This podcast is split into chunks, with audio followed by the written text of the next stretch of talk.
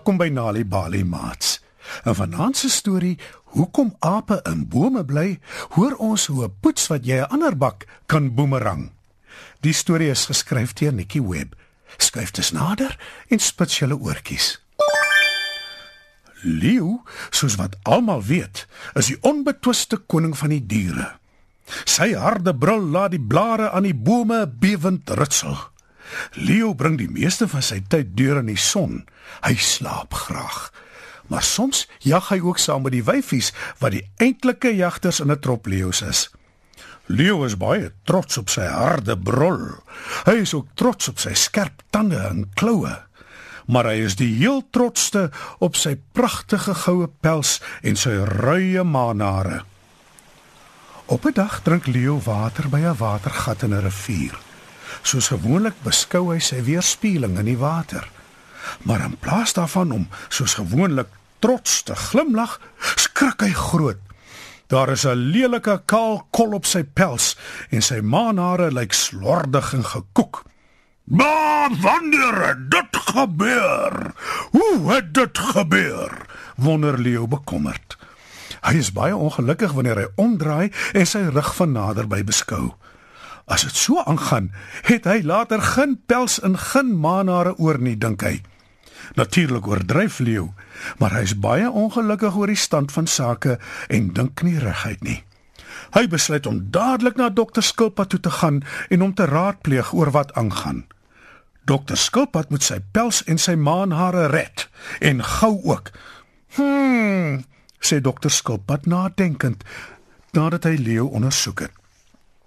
Hierdie is 'n geval van uh, van uh, van iets, maar ek is nie seker wat dit is nie.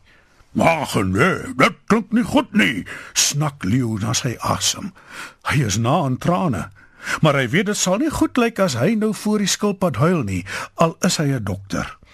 Leo se knieë begin bewe.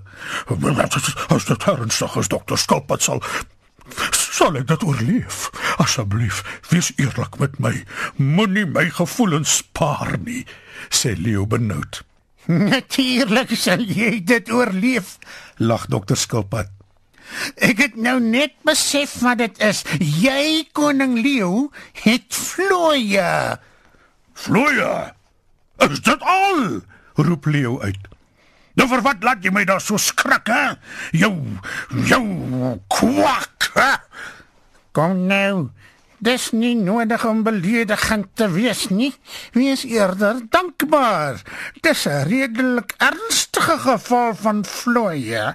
Jy sal so gou as moontlik daarvan ontslaa moet raak. En nou, hoe stel jy voor doen ek dit? Vra Leo, steeds verontwaardig. My voorstel is vra vir aap om jou te help. Ape is baie goed daarmee om vlooie van ander diere af te trek. Hulle potjies is so te sê gemaak daarvoor. As aap met jou klaar is, beloof ek jou, as jy weer pikfyn, jou pels en jou manhare sal mooi teruggroei ook. Nou ja, dan is dit wat ek sal doen, sê Leo verlig. Hy bedank dokter Skilpad en draf weg om na Aap te gaan soek.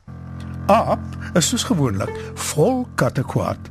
Hy sit bo in 'n marula boom en gooi die lui vlak vark wat in die son lê en slaap met marulas. Aap! brul Leo kliphard. Aap skrik so groot, hy val byna uit die boom uit. Aap! Kom help my om van my vloeie ontslae te raak, sal jy? Ja natuurlik, U Majesteit. Dit sal vir my 'n groot eer wees. Ek doen dit met die grootste graagte, babbel die aap en gooi die laaste marula op die grond neer. Dan klim hy hastig af by die boom. Toe aap onderkom, lê Leo reeds in bak in die warm son. Aap begin in sy pels te krap en die vlooie te vang. Hy kam ook Leo se pels totdat dit blink. Leo geniet dit so dat hy vas aan die slaap raak. Toe Leo wakker skrik, kom hy agter hy kan nie beweeg nie. Hy brul van woede toe hy besef Aap het sy stert aan 'n boom vasgebind.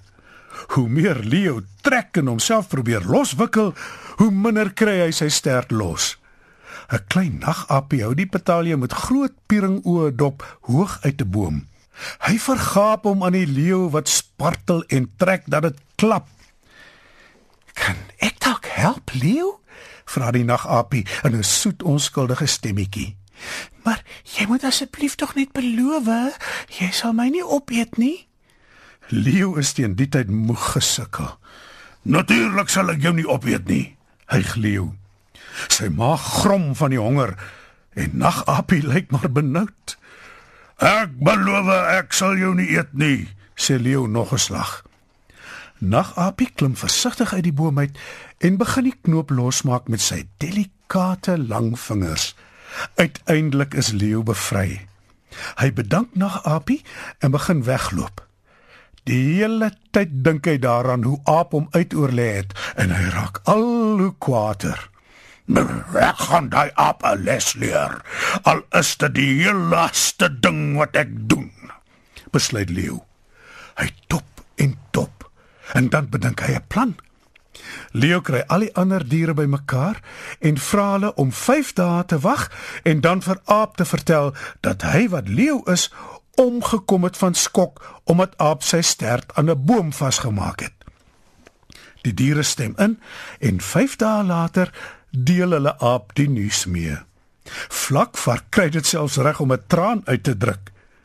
Die diere deel aap mee dat hulle die middag 'n begrafnisdiens vir Leo hou. Maar omdat hy so lief was vir die lewe, gaan dit 'n partytjie wees eerder as 'n hartseer affære. Hm, ek hou van partytjies, dink aap.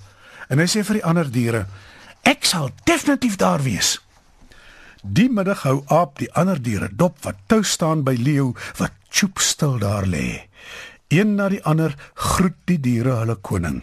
Hulle streel oor sy pragtige maanhare, hulle soen sy voorkop, party van hulle huil selfs, maar al die diere groet hom. Abwag ongeduldig sy beurt af.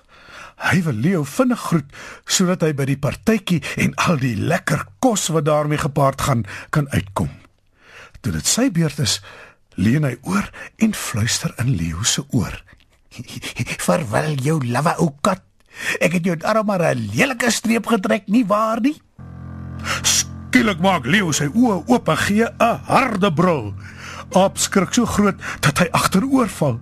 Hy spring vinnig op en hardloop na die naaste boom toe. Hy klim so vinnig as wat hy kan op met die takke tot heel bo in die boom. En daar sit hy in babbel en blaf en bewe van vrees. Leo brul weer 'n slag hard en wys met sy eislike poot vir Aap dat as hy durf afklim uit die boom, gaan hy baie spyt wees. Hy sê dan ook vir Aap: "Jy beter bly waar jy is, jou astrante dier, want klim jy af grond toe, vreet ek jou verseker op en dis 'n belofte."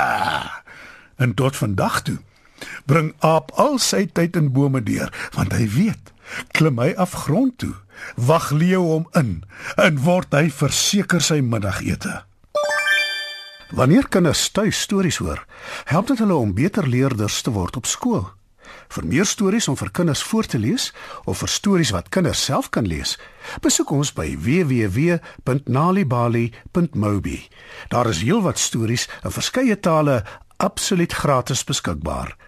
Daar is ook wenke oor hoe om stories vir kinders te lees en met hulle te deel sodat hulle hulle volle potensiaal kan ontwikkel.